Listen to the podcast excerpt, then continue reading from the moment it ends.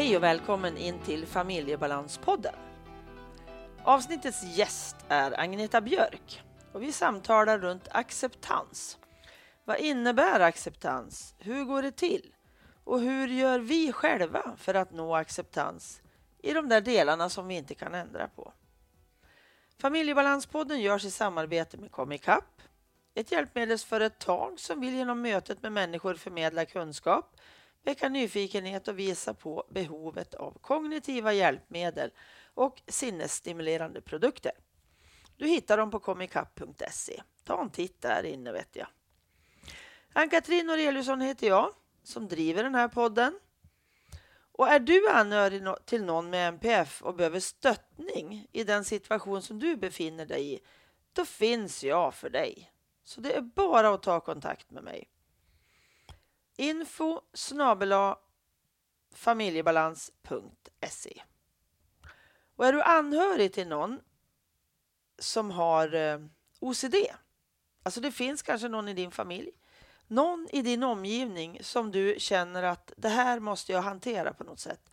Då välkomnar jag dig in i Facebookgruppen som heter OCD inom parentes tvångssyndrom lika med tvångstankar och tvångshandlingar anhöriga. Och du är varmt välkommen att skriva till mig alltså på info familjebalans.se men nu kör vi. Nu drar vi igång avsnittet.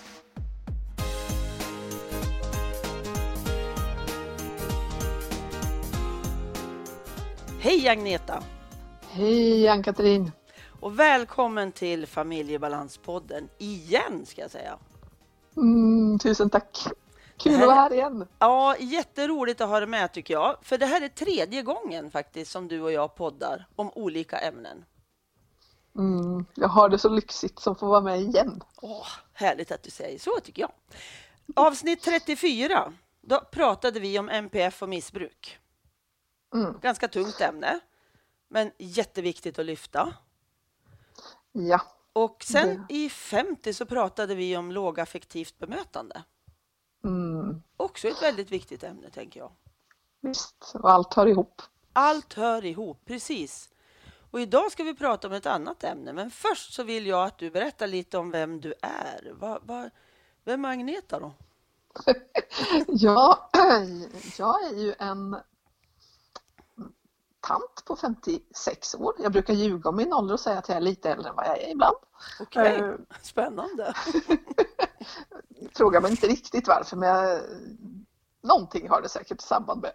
Jag vill väl vara stor kanske. Ja, kanske. Eh, Jag är i min grund sjuksköterska och har jobbat i beroendevård i en väldans massa år men också med att eh, utreda och eh, behandla neuropsykiatri. Eh, jag har jobbat med samsjuklighet, jag har jobbat med ungdomar i riskzon.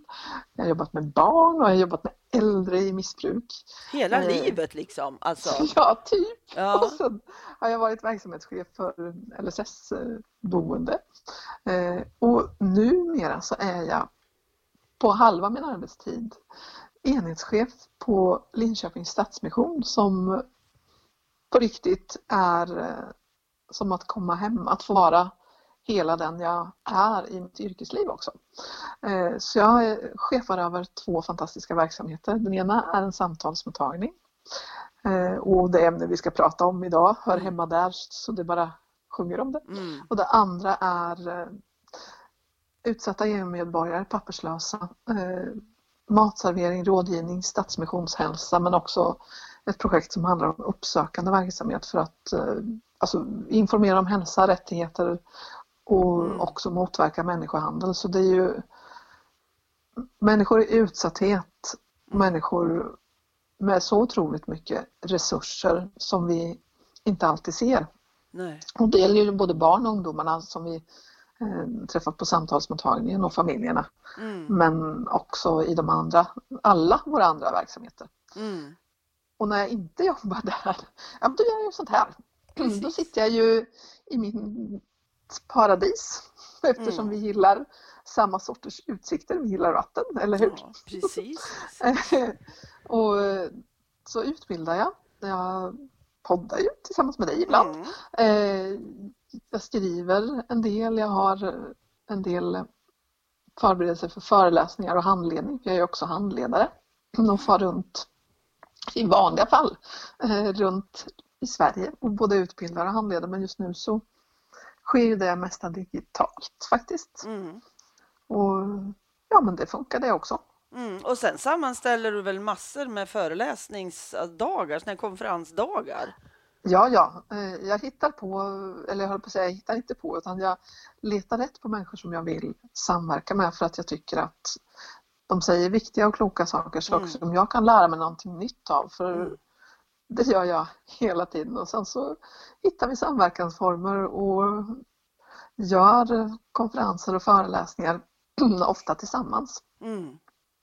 Och gärna tillsammans med anhörig och brukarföreningar för att eh, oftast så är det ju så och det är ju mina absoluta favoritföreläsningar när jag föreläser tillsammans med någon som har en egen erfarenhet. Mm. Mm. För då kan jag ställa mig själv på spets också. Vad, vad behöver jag göra Mm. i mitt yrkesliv för att kunna motsvara den personens behov, Mm. anpassa för svårigheter och kunna se vad är det vi kan lösa. Mm. Att det kanske inte är lösa vi ska prata så mycket om idag va? Idag ska vi inte prata om att lösa Nej. utan att förhålla sig, tänker jag. Mm. För, Precis. för vi ska prata om acceptans. Mm. Och jag tänker att det, den här som jag utgår ifrån och som jag tror du utgår ifrån också, det är ju akt.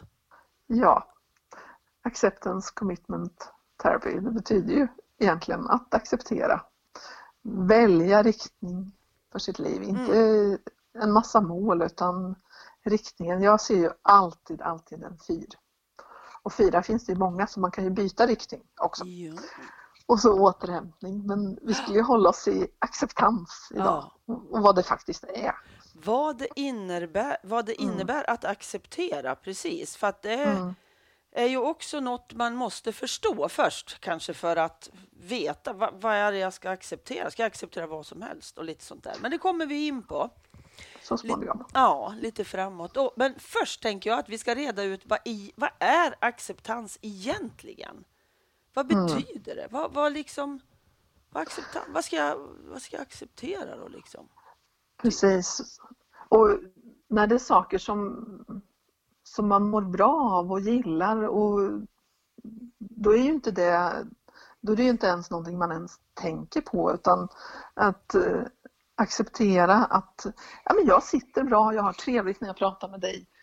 Det, det är inget motstånd i. Nej. Men när det är någonting som skaver, någonting som jag inte kan ändra på, någonting som jag behöver hitta ett sätt att förhålla mig till. Så att jag inte går sönder, jag inte blir sjuk, jag inte fastnar i mitt liv utan att kunna agera vänligt och snällt och hälsosamt mot mig själv Nej. och andra. Det är då acceptans behöver bli förklarat för Mm. mig. Mm. Att det här, det här som vi ändå inte kan ändra på. Nej, just. För att det vi kan ändra på, det kan vi ju faktiskt göra något åt och gå vidare liksom och lämna det där dåliga eller vad det är. Ja, Att be om hjälp Visst. kanske då för att ta sig därifrån. Men, men just acceptansen är ju det här som är, ja men det regnar ute, ja vad ska jag gå och gnälla över det för? Det är ju ingen idé. Mm. För det ger ju ingenting. Det kommer inte sluta regna för att jag gnäller och bråkar och tycker att det var en jädra skitsommar i år.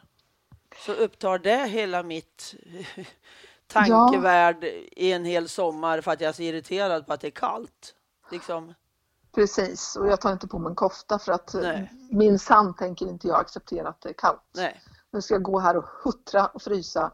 Mm. Och egentligen går jag väl kanske inte ens ut då och då. Nej. För att eh, då behöver jag ju känna att det är kallt. Mm. Och då blir jag ju bara arg, sur och bitter Mm. och missar livet. Precis. Mm. Och ibland tänker jag att det handlar om de riktigt stora frågorna. Jag jobbar ju ofta i anhörigstöd och med personer som drabbas av fysisk eller psykisk sjukdom eller oväntade ja. händelser. Och, och det här att det går ju inte att ändra. Det, det går Nej. ju inte att backa band. Det går Nej. inte att förändra kroppens reaktioner. Det går inte att förändra eh, att man har fått en sjukdom eller man har förlorat någon eller något som man gärna vill ha kvar. Det, mm. det går ju inte att genom att tänka att det skulle vara på ett annat sätt. Nej, och jag tänker det här om vi tittar lite MPF, att få ett mm. barn som, som är kanske alldeles vanligt tycker jag från början och med tiden så upptäcker jag att det här är inte alls alldeles som vanligt för att vi kan inte alls göra saker som alla andra kan göra. Nej, att då man... inte liksom hitta den här acceptansen i att ja, men mitt barn har typ OCD då, eller ADHD eller vad det är och vi mm. måste forma vårt liv på ett sätt och då kommer jag att tömmas totalt på energi om inte jag hittar den här acceptansen i att ja, det, jag gillar det absolut inte att min unge har en funktionsnedsättning, men det är ingen idé att jag stretar emot, för det är så här. Nej, för det är ju stretandet ja. emot det man inte kan ändra på. Mm. När man där kan komma till acceptans, där man kan inse att men precis exakt så här är det. Mm. Nej, det gillar jag inte. Men precis exakt så här är det. Mm. Och att få den hjälpen så tidigt som möjligt. Mm. När man får ett barn till exempel som det är någonting som är annorlunda än vad jag hade tänkt att det skulle vara. Mm. Och det kan ju vara eh, alltså så litet som att eh, det är en annan hårfärg eller längd eller mm. eh, kroppsform. Men när det är en funktion mm. av något sort som är annorlunda, inte bättre eller sämre utan Nej, annorlunda. Bara annorlunda, ja. ja. Precis. Så behöver man ju gå, få gå rakt in i det och känna sorg, ilska, smärta, allt vad man känner. Mm. Men också att hitta verktyg för acceptans. Mm. Och att få stanna i att inte lägga till saker hela tiden. Hur tänker du då med lägga till? Jo, men om man tänker att eh, jag skulle köra på en bil. Mm. Krockar liksom och, eller ja, backar jag in i någon? här och nu. Jag backar in i, ja. det, händer, det har hänt mig. Ja, ja precis. och där hade jag jättemycket nytta av att ha tränat på acceptans. Mm. För det är också så här, i det fallet så jag tittade åt alla möjliga håll. Det var ingen som fick parkera bakom mig. Jag tittade mer på bilen i jämte så det var helt och hållet mitt ansvar. Eh, jag backar bakåt och backar på en liten bil som hade hunnit smita in där. Mm. Och ut hoppar en medelålders person med förhöjd oro och svårighet att hantera den här situationen som blev så oerhört rädd. Mm. Och skrek till mig så här, man får ju inte köra på någon. och jag sa, nej, så jag, jag vet och jag ber så jättemycket om ursäkt. Det var mitt fel, det var mitt ansvar. Och sen att man gör de saker som hör till, att man eh, anmäler det till försäkringsbolaget, tar sitt ansvar mm. eh, och sen släpper där. Mm. Alltså, ja, absolut skulle jag ha kikat en gång till innan mm. jag backade. Mm.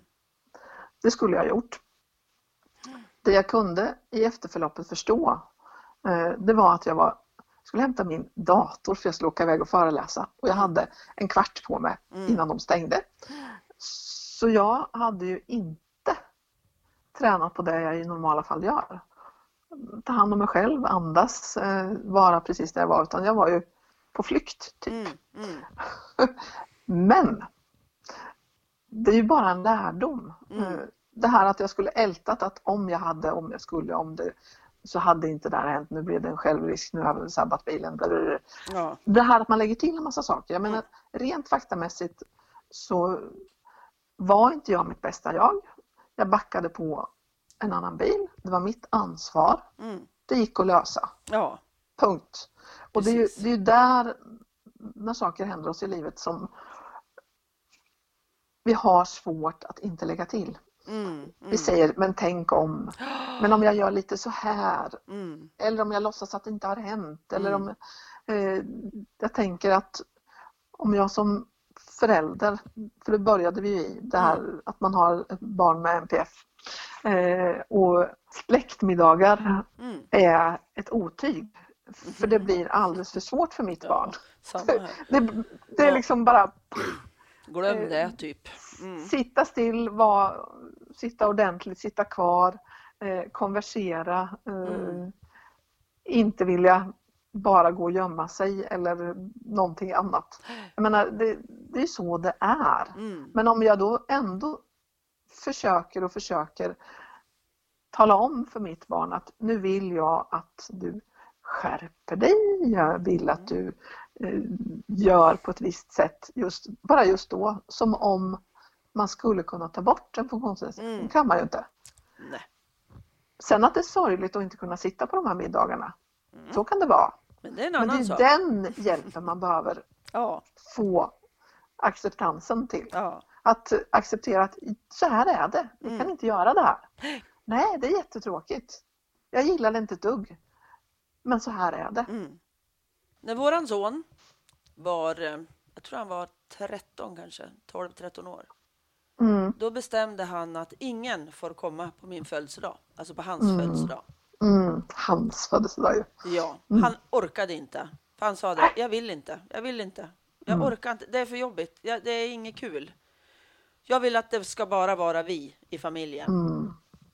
Så klokt tycker jag av en ganska Det är ung människa. fantastiskt Mm. klokt. Och jag har varit skitstressad kan jag säga. Ja, Jag tyckte det var gräsligt. Hur ska jag nu säga till släkten och de här som brukar eller komma? hur?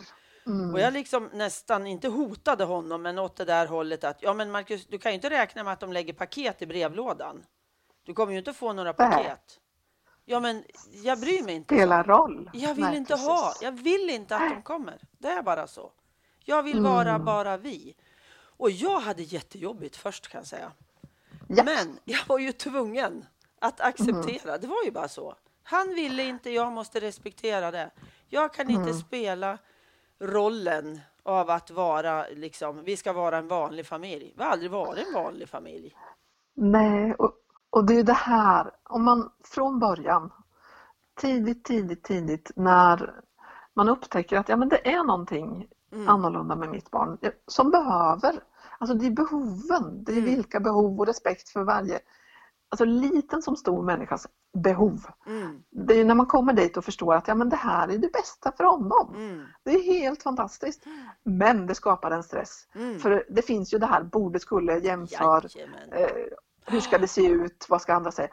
Alltså det är där acceptansen och den svåraste utmaningen många gånger ligger. Att Ja. man tänker, vad ska andra säga? Ja. Och ibland så säger de det också. Ja, Så man ska inte ta bort det. Nej. För det, då kan det ju komma någon eh, släkting eller god vän som säger "Ah, om du bara tog i lite mer och fostrade eller om du bara sa åt honom att så här firar man födelsedagar. Mm, Jag menar, det är ju så respektlöst. mm. Men det är ju det man behöver få hjälpen att förstå. För jag, jag tänker att jag är ju fostrad i mycket ska vara. Mm, samma här. Ja, så här gör man inte. Jag menar, jag höll ju på i många, många år och typ svimma innan jag serverade julmiddag. För Mm. att jag hade sådana... Eh, jag kom inte ens på att jag kunde tagit en banan Nej. När jag höll på. Utan jag skulle minsann vänta tills Ja, klockan var 12 och jag hade serverat allting. Och, Ja, och jag var skitsur, skitförbannad och hade inget Ja. roligt alls. Och jag var säkert ingen rolig heller. nej. Men sen att komma på det att för vem skulle jag göra det här? Ja. Mm. Precis. Nej, vi, vi, det har, finns ju ett annat avsnitt när vi, Anders och jag pratar om våran jul. För han Ja. sa ju ifrån, det var ju redan när Marcus var två och Martina var tre. Då sa han, Mm. din släkt får inte komma till oss på jul. För genom att vi bodde så nära min släkt, hans släkt fanns ju inte i närheten ens, de var ju Mm. 60 mil bort. Men det var ju min släkt vi firade med. Och han sa Mm. att nej, det går inte. Vi måste vara vi, vi, bara vi. Och då hade vi inte en Ja. aning om att det fanns funktionsnedsättningar i våran familj. Nej. Men det var kaos alltså. Mm. Så då, och det är, nog, det är sällan min man säger ifrån överhuvudtaget. Han är en väldigt timid och försynt människa och ödmjuk som Ja. bara den. Men då var det stopp. För att han såg hur dåligt barnen Mm. mådde. Och då var det liksom, nej, vi ska köra Mm. bara vi. Och det var i flera år var det jättejobbigt för mina släktingar. Och det var ju inte att vi valde bort dem, vi valde ett Nej. annat sätt att fira. Men man tar det, man, många tar det väldigt personligt när någon säger nej, det här går inte. Precis. det kan bli jättejobbigt, både för den som säger nej och för den som får nej, ni får inte komma. Ja. Och det är ju bra om man kan prata om det då, varför vi gör så här. Ja, att kunna ta hjälp av Ja. att det här handlar om respekt Mm, för just den här familjen eller den här personen. mm, Och det handlar om att göra det bästa. Alltså, till exempel jul eller födelsedagar Mm. är ju till för den gemenskap som man själv vill ha. ja, Och precis. när man förstår, för jag ser det här hända ganska ofta när jag är ute och handleder. Och eh, att det handlar om vuxna personer som eh, ja, men har någon nära anhörig som jag tänker åh, vill det allra, allra bästa. Ja, Men har glömt att fråga den som är huvudperson mm, mm, i, i sitt liv om man orkar till exempel ha efter jobbet, om man jobbar på daglig verksamhet eller om jag jobbar på mitt jobb. mm, När jag kommer hem så är jag ganska trött. Jag kanske vill ta en promenad eller bara sitta i min fåtölj och titta på utsikten. mm, Och skulle jag då ha varit på en daglig verksamhet tillsammans med personer som ja, har liknande eller annorlunda funktionsnedsättningar än jag. Det kanske är en slitsam miljö på, på jättemånga olika sätt. Och sen ska jag, för att på något sätt motsvara någon slags normalitet som inte finns, nej. göra massa aktiviteter. Usch, säger jag. Usch. Och så får jag utbrott, jag får Mm. sömnsvårigheter, jag kanske inte kan äta. Och det, det är ju inte för att någon vill en illa någonsin. Nej, Men nej. det är ju för att man inte har fått sätta sig ner, trassla sig igenom sorg, ilska, rädsla. Mm, Vad ska andra tycka? mm, Eh, hur ska jag leva mitt liv? Vad behövs jag till? Vad är, vad är det att vara ett stöd? mm, Och vad är det att ta över? Jag menar det här att få rakt in i själ och hjärta få, få gå igenom det här tillsammans med någon annan. För att kunna se att ja, men för mig blir det här det bästa. För, som förälder till exempel. mm, Och för mitt barn blir det här det bästa. mm. Ja, hur jämkar vi det här? Hur förhåller vi oss till varandra? Och hur respekterar vi också varandra? Mm. För har jag ett barn som inte har ett språk så måste jag ju ändå ta reda på Ja, vad vill han eller hon? mm, Vad är de innersta önskningarna och när mår man bra? mm, För det är ju ändå hela målet med allt vi gör för ja, både våra barn men också för dem som jag tänker att jag har jobbat tillsammans med för att stötta och supporta. mm. Och det är ju ett mod. Alltså, utan det. att vi ska på något sätt använda religion så tänker jag sinnesrobönen är ju helt fantastisk. Mm, Alltså det här att kunna lösa det man behöver lösa. Eh, kunna acceptera det man inte kan förändra Mm. och alltså på riktigt våga öppna upp för att säga att jag har modet att se skillnaden. mm. Den och det kan jag jättebra. inte göra ensam. För vi behöver varandra. Ja, precis. Och en acceptans av att vi är helt olika ofta. Ja. Och det är så rätt bägge delarna. Eller alla Ja, delarna. visst, det, alltså jag är ju fostrad med det här att man ska bemöta andra som eh, man vill bli bemött själv och den är ju Mm. helt, Galen. alltså, den är helt galen. Ja, är För om jag inte tar reda på hur du vill bli bemött så, så gissar jag ju bara. Ja, Eller om jag tror att jag förstår och jag tolkar dig Mm. Utan att ta reda på om det är rätt. mm, Jag menar det är ju där vi trampar eh, galet också Mm. många gånger. Min att mamma, vi vill så väl. mm, och min mamma och jag hade diskussioner så många gånger om, för hon sa, det spelar ingen roll vad du säger, för jag vet vad du tänker, sa hon. Jag ser ju vad du tänker. Och jag Ja. sa, mamma, det kan inte du veta. Det finns inte. Men hon, Nej. hon var den här människan som ville att alla skulle ha det så bra som möjligt. Och då började hon gissa, för det var jobbigt att fråga. Men då Mm. gissade hon, ja men den vill också vara med. Du kan inte utesluta den.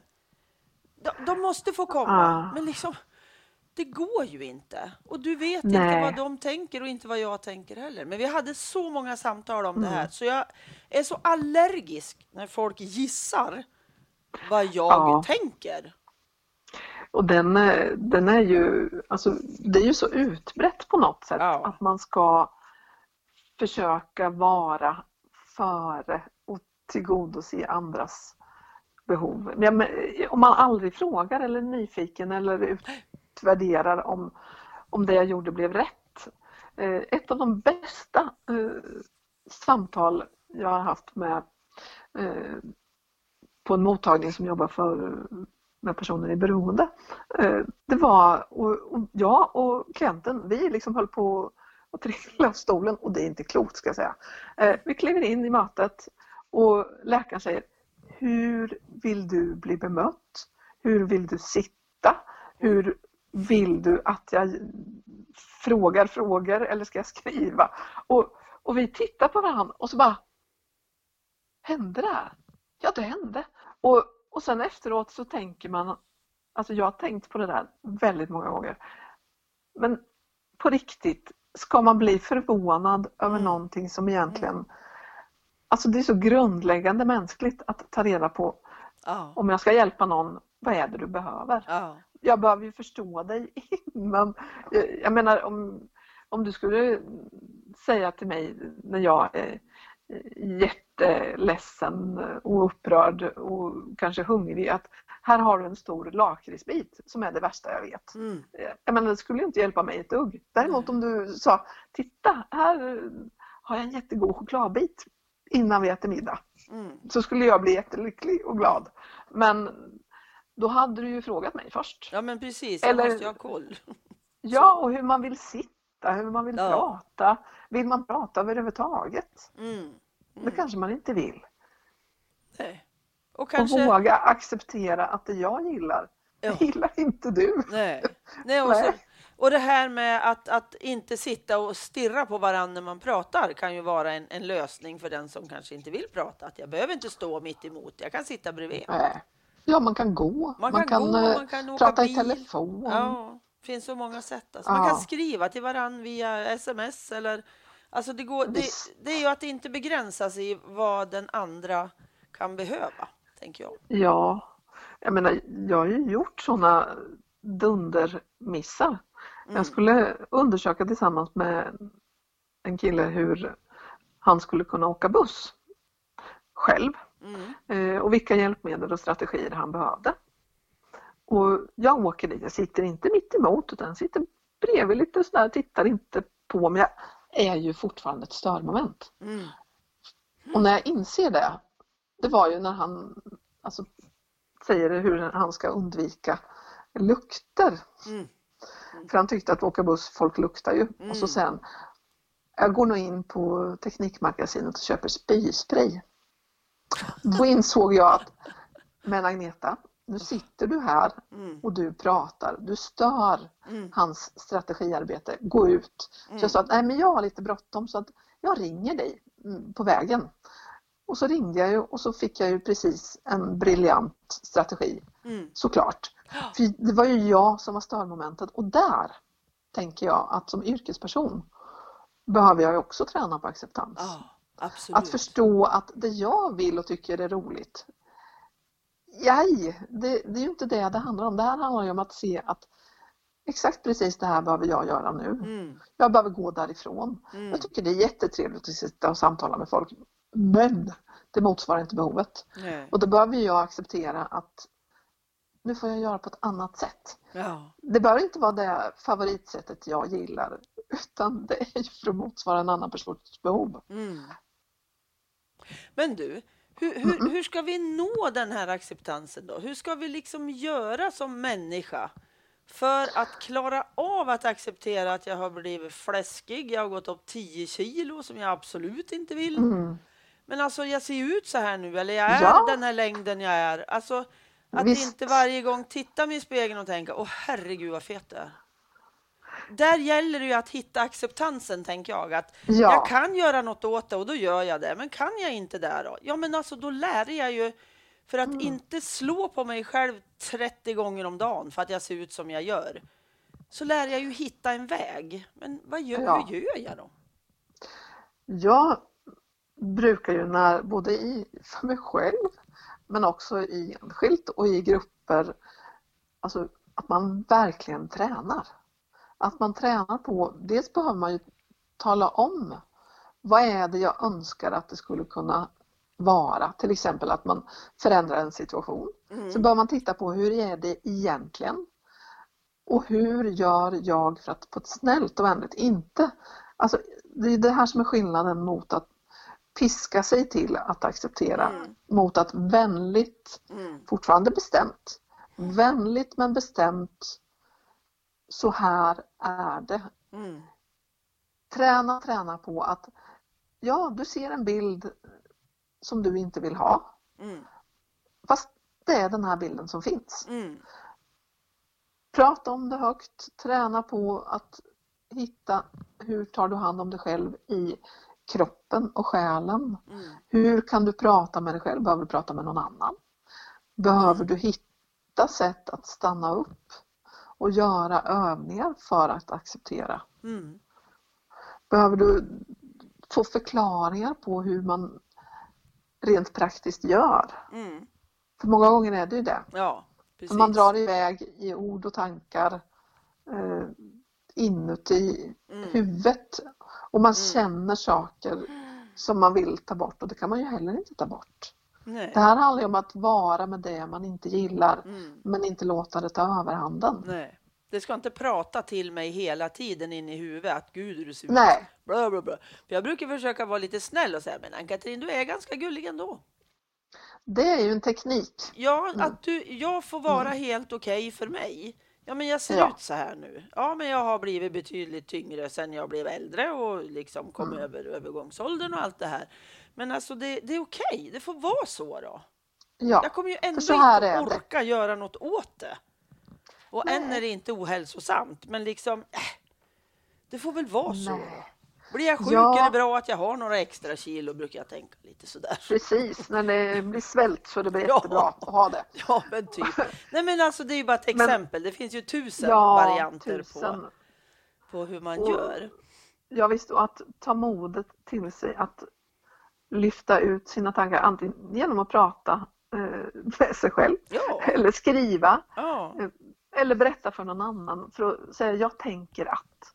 Mm. Jag känner att. Mm. Och det finns en jättebra övning i ACT där eh, man skriver ner alla de här tramsiga elaka tankarna mm.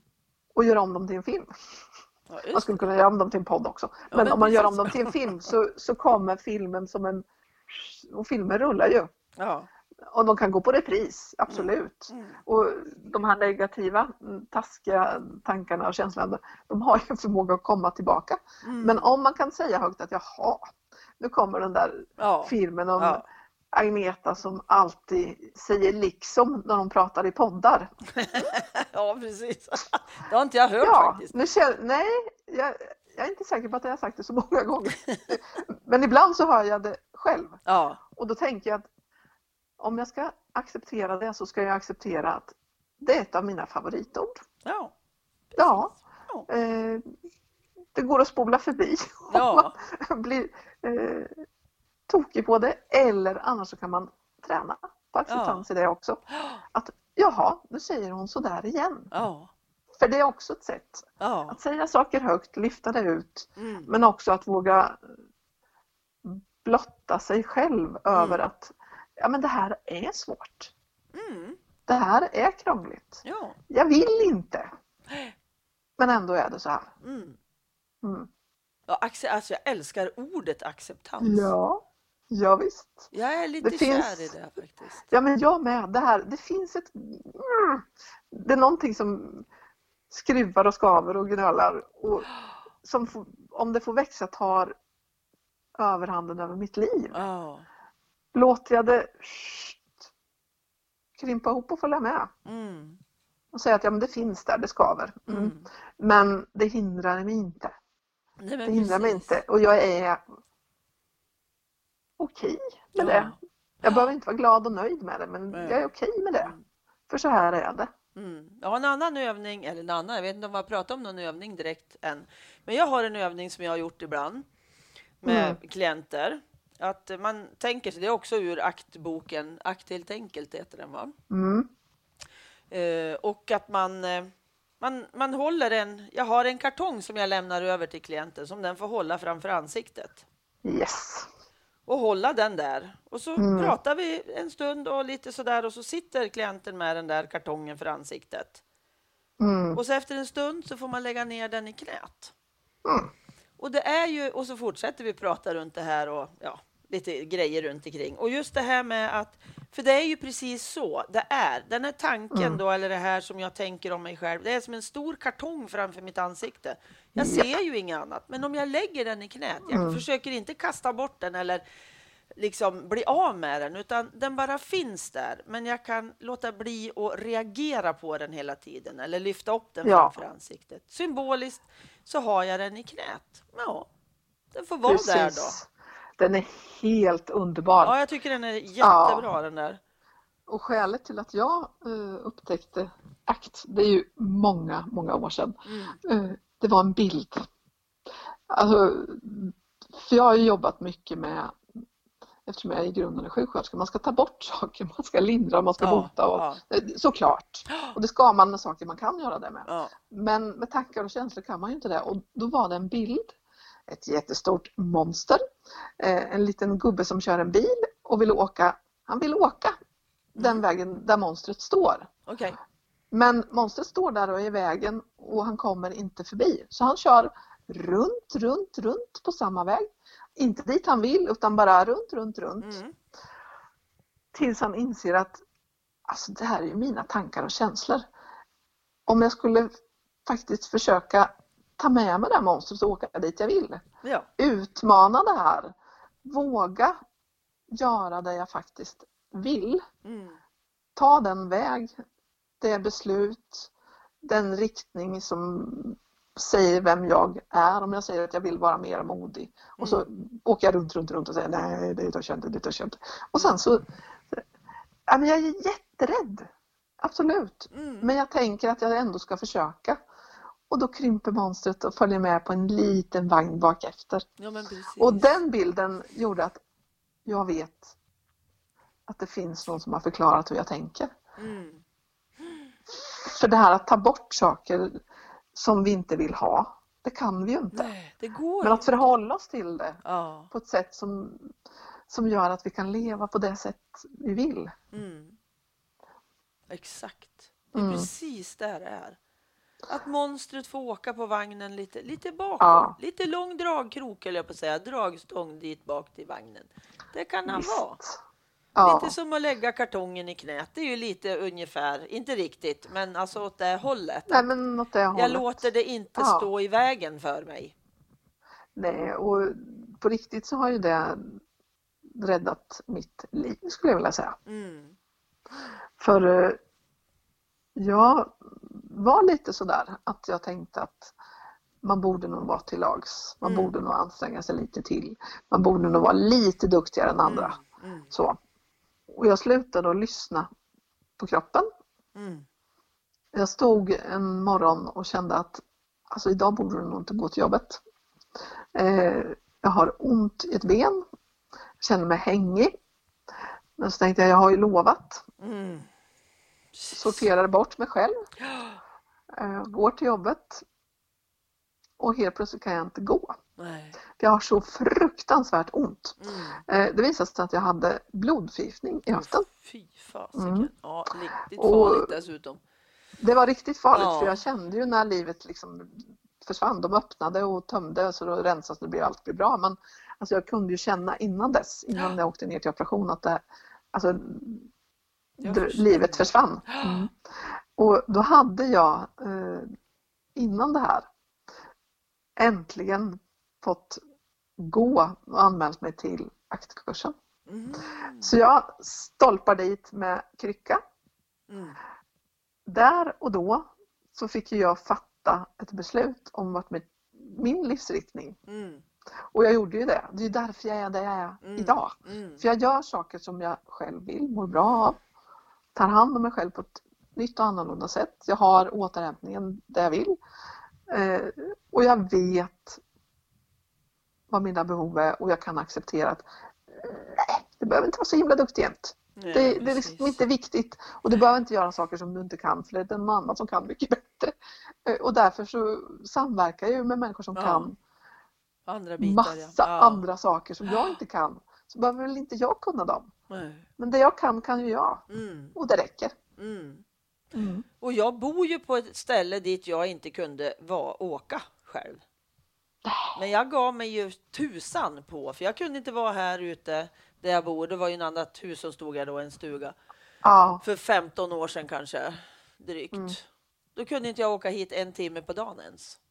Det fanns inte. Jag var så jävla stressad så jag höll på att tvärdog bara jag kom hit. ah, Och då var det ju en sommarstuga. Och efter Mm. ett tag så kände jag, men alltså jag måste, jag måste ta hand om det här. Jag måste göra något åt det.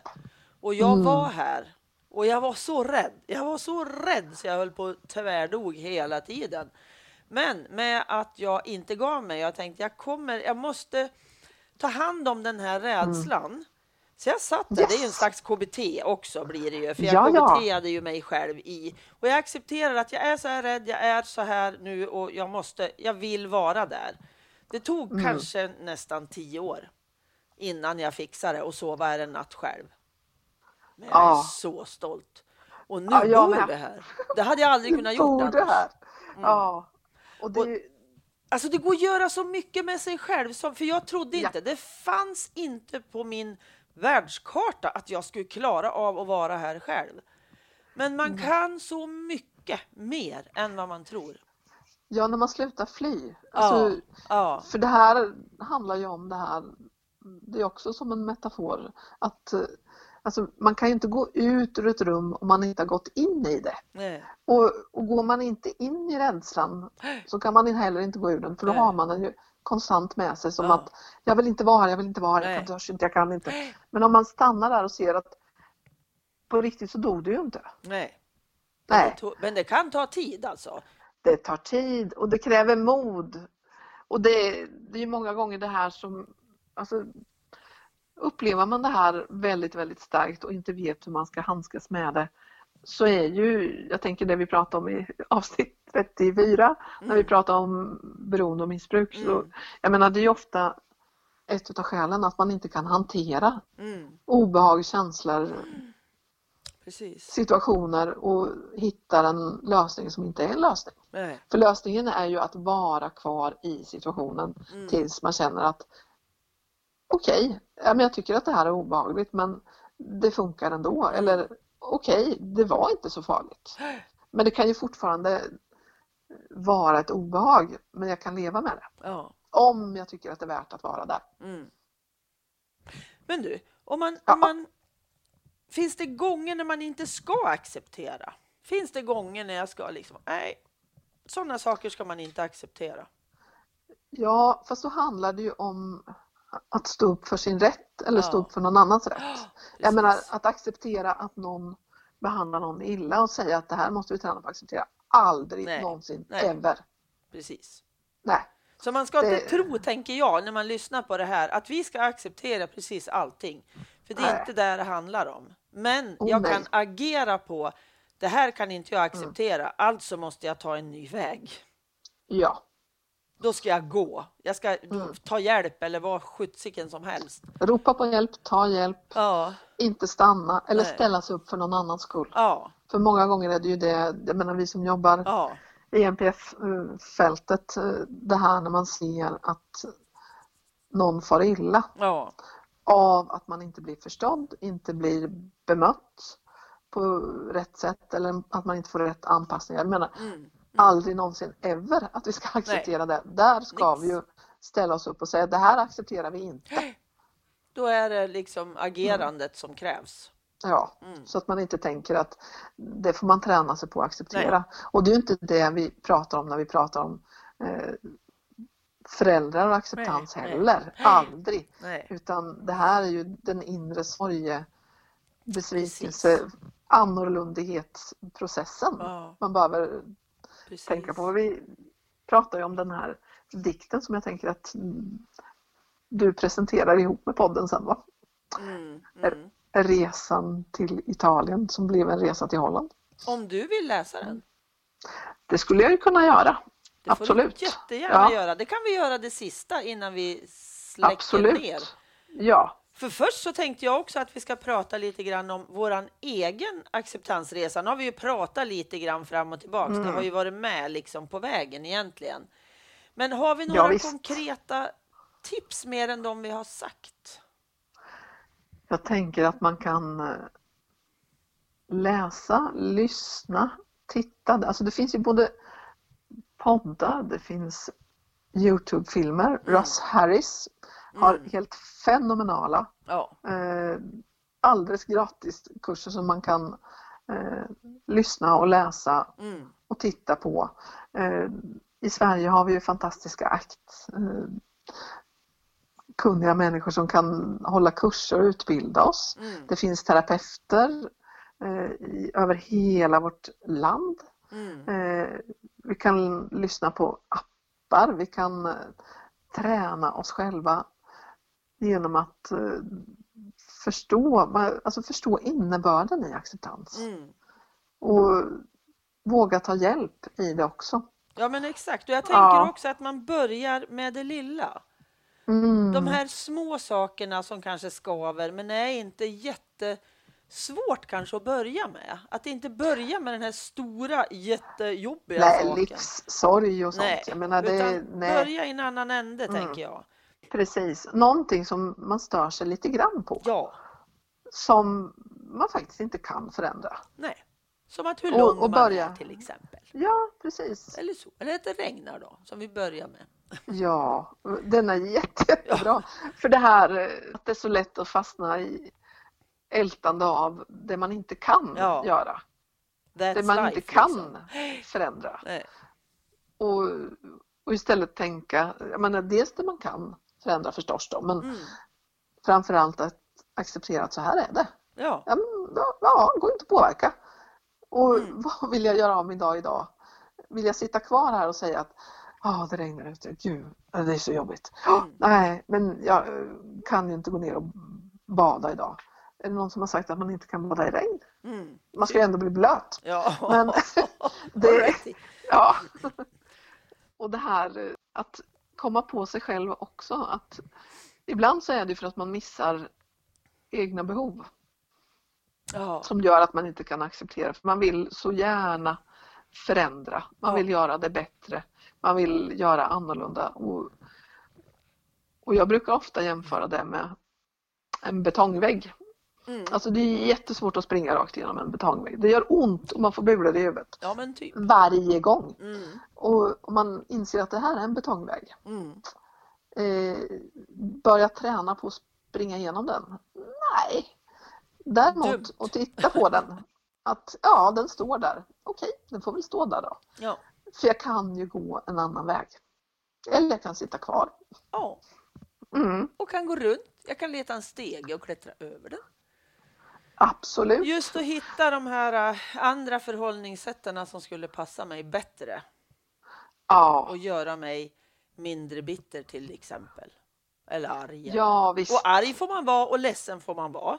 Det är inte Ja. det att man ska ta bort det. Utan Nej, det nej, är nej. att kunna känna att jag är okej fast det är vissa saker som jag ja, inte kan. Eller vädret är okej fast det regnar. Ja. ja, that's life. Jag kanske kan göra någonting helt annat Ja, den dagen. För att precis. det regnar. Ja, precis. För ibland så hamnar vi ju i prestation också. Det här att vi ska Absolut. göra så mycket för att det är fint väder och så. Ja. Och ibland så kanske vi inte vill det. Nej, Och det är också en acceptans okej. att eh, Ja, inte motsvara andras krav utan fundera lite mer på vilka är mina egna. ja, absolut. Mm. Viktigt, viktigt. Ja, verkligen. Vill du läsa Ja, det kan jag göra nu. så får vi det med. Ja, och det här är ju en fantastisk dikt som är gjord av Emily Pearl Kingsley. Mm. Välkommen till Holland.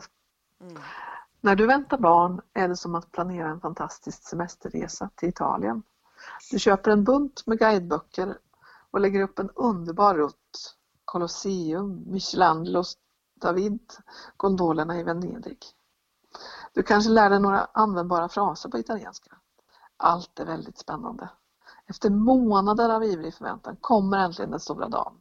Du packar väskorna, ger dig iväg, Flera timmar senare landar planet.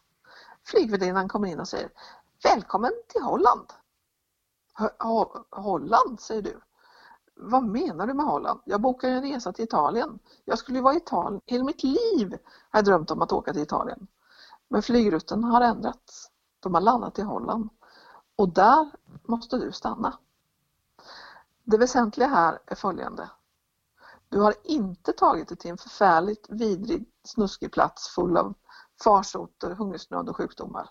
Det är bara annorlunda, en annorlunda plats. Så du måste bege dig ut och köpa nya guideböcker. Och du måste lära dig ett helt nytt språk. Du kommer att möta en helt ny folkgrupp som du egentligen aldrig tänkt att du skulle mött. Det är bara en annorlunda plats. Det är lägre tempo än i Italien. Mindre tjusigt än i Italien. Men efter att du har varit där ett tag, tar ett djupt andetag, ser dig omkring och upptäcker att Holland har väderkvarnar. Holland har tulpaner. Holland har till och med verk av Rembrandt. Men alla du känner är upptagna med att resa till och från Italien och alla skryter de om vilken härlig tid de hade där. Och i resten av ditt liv kommer du att säga Ja, det var dit jag skulle åkt. Det var vad jag hade planerat. Och den smärtan kommer aldrig, aldrig någonsin att försvinna. Därför att förlusten av den drömmen är en mycket betydande förlust. Men om du ägnar ditt liv åt att sörja över att du aldrig kom till Italien kommer du aldrig att kunna glädjas åt det mycket speciella, det väldigt härliga med Holland. Den, den är, så, vacker. Ja, jag tycker ja. jättemycket om den. Ja. Och den där innefattar ju väldigt mycket i det här att få ett barn med funktionsnedsättning, tänker jag. Exakt. För jag tror hon har barn med funktionsnedsättning. Ja. ja. Så att hon jämför ju det, den ja. delen. Den ja, men det här vacker. att man har tänkt och planerat ja. och det blir någonting annat. Yes. Inte sämre, inte Nej. bättre, utan bara annorlunda. Ja. Det blev och inte som jag tänkte. Att få vara ledsen över att man inte kom till Italien. Mm. Absolut, men inte stanna i det. Nej. Utan att få se det härliga med Holland. Mm. Och också att man behöver en helt ny karta, helt nya guideböcker, ett helt nytt språk. Yes. Och det här att få hjälp att acceptera att nej, vi kan inte göra som i Italien, vi måste göra som i Holland. Mm. För annars blir det inte bra för den här fantastiska lilla människan som jag har fått. Nej, och vad behöver jag? Mm. Som är förälder. Ja. Precis. Flygplanet till Italien, de har ju också säkerhetsinstruktioner där de säger att eh, om det blir syrebrist så ska du ge syre till dig själv först innan mm. du ger till ditt barn. Mm. Och det är samma sak om man reser till Holland. Mm. Faktiskt. Exakt. Och gud vad jag ja. tyckte det var knäppt första gången jag hörde det. Det var ja, väl klart att jag skulle ge, barnen ja. först. De går Precis. ju före mig. Men sen fattar jag. Det ja. kan jag ju inte hjälpa dem om jag blir syrefattig. Och det Nej. är ju så. Det är hela grejen liksom är det. Vi måste ta hand om oss själva på ett bra sätt mm. som passar oss för att kunna ta hand om de andra också. Ja, och det är det vi inte. har tänkt att vi ska tillsammans ja. hjälpa andra att faktiskt göra. Att Precis. hitta hur tar jag hand om mina behov mm. också. Precis. Att få vara lika viktig i sitt liv som den man är satt att ta hand om. Mm. Faktiskt. Mm. Men det får de höra om vid ett lite senare tillfälle. Jajamän, det, det var en kommer... liten, liten hint. Sådär. En liten hint att det kommer något och så får vi se. Jajamän. Ja. Det får vi se. Mm. Men vill du säga något mer Agneta? Har du något jag vill mer säga som du känner? Tack så jättemycket Ann-Katrin för att jag fick vara med igen. Jag är så tack glad över det. Tack! Ja, jag är jätteglad att jag fått prata med dig igen här. Och jag tycker mm. det här är mm. så viktiga ämnen. Det här är liksom, det här är en del av grunden i mitt mm. liv. Ja. Att det faktiskt, och det är så många saker man får, eller jag får acceptera under vägen. Varje gång mm. min kära son dyker ner i svår mm. psykisk ohälsa. Jag måste acceptera det för att jag vet, jag har lärt mig det. Jag har inte makten att göra honom frisk. Nej. Det är så bara. Och det kämpade jag med alltså i 30, inte 30, 28 år. Kämpade mm. jag med. Om jag gjorde lite till, om jag mm. gjorde så här så skulle han bli frisk. Och det insåg jag till slut när jag fick höra det. Glöm det där, du har ingen makt. Du kan inte göra honom frisk. Precis. Och det var skitjobbigt att fatta det. Men, Det är skitjobbigt. Mm. men det gav mig något i andra änden när jag fick smälta det. Att eh, ja, så är det ju faktiskt. Ja men så är det och, och det är det vi tänker gemensamt säger Mm. så många gånger. Så är det. Ja, så är Och det. Precis. vi behöver säga det igen och vi behöver Mm. säga det till andra. Vi behöver också hjälpas åt. Ja, För det Oj. här att när vi ser någon stå jämte oss som springer in i en betongvägg gång på gång för att Ja. försöka förändra något som inte går eh, så behöver vi säga att det är inte möjligt. nej. Vissa saker är inte möjliga. Nej. Det är så. Mm. Men vi återkommer med Jajamän. information om vad som kommer Ja. framöver. Jättekul Agneta att du var med. Ja, Tusen snälla. tack. Tack. så kul. Tack så mycket.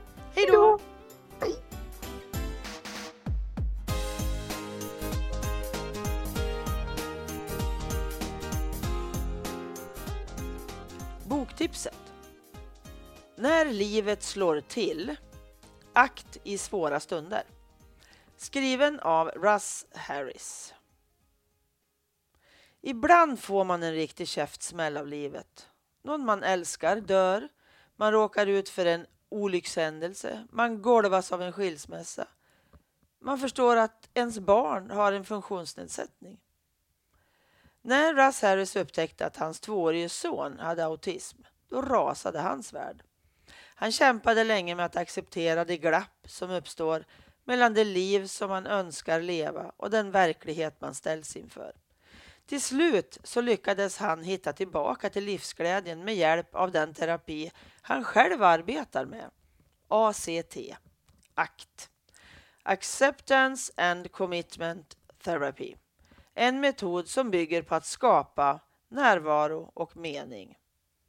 Boken visar möjligheten att hitta frid mitt i all smärta trots att livet inte blev som det var tänkt. Tack för att du lyssnat. Tack till Pelle Zetterberg för musiken, till Pernilla Wahlman som fotade, till Marcus som fixade poddloggan och till Anders för att du redigerat mitt prat. Och tack till Comicap för samarbetet. Och om du går in och skriver en recension på Familjebalanspoddens Facebook-sida, då blir jag lite extra glad. Hoppas vi hörs igen. Hej då!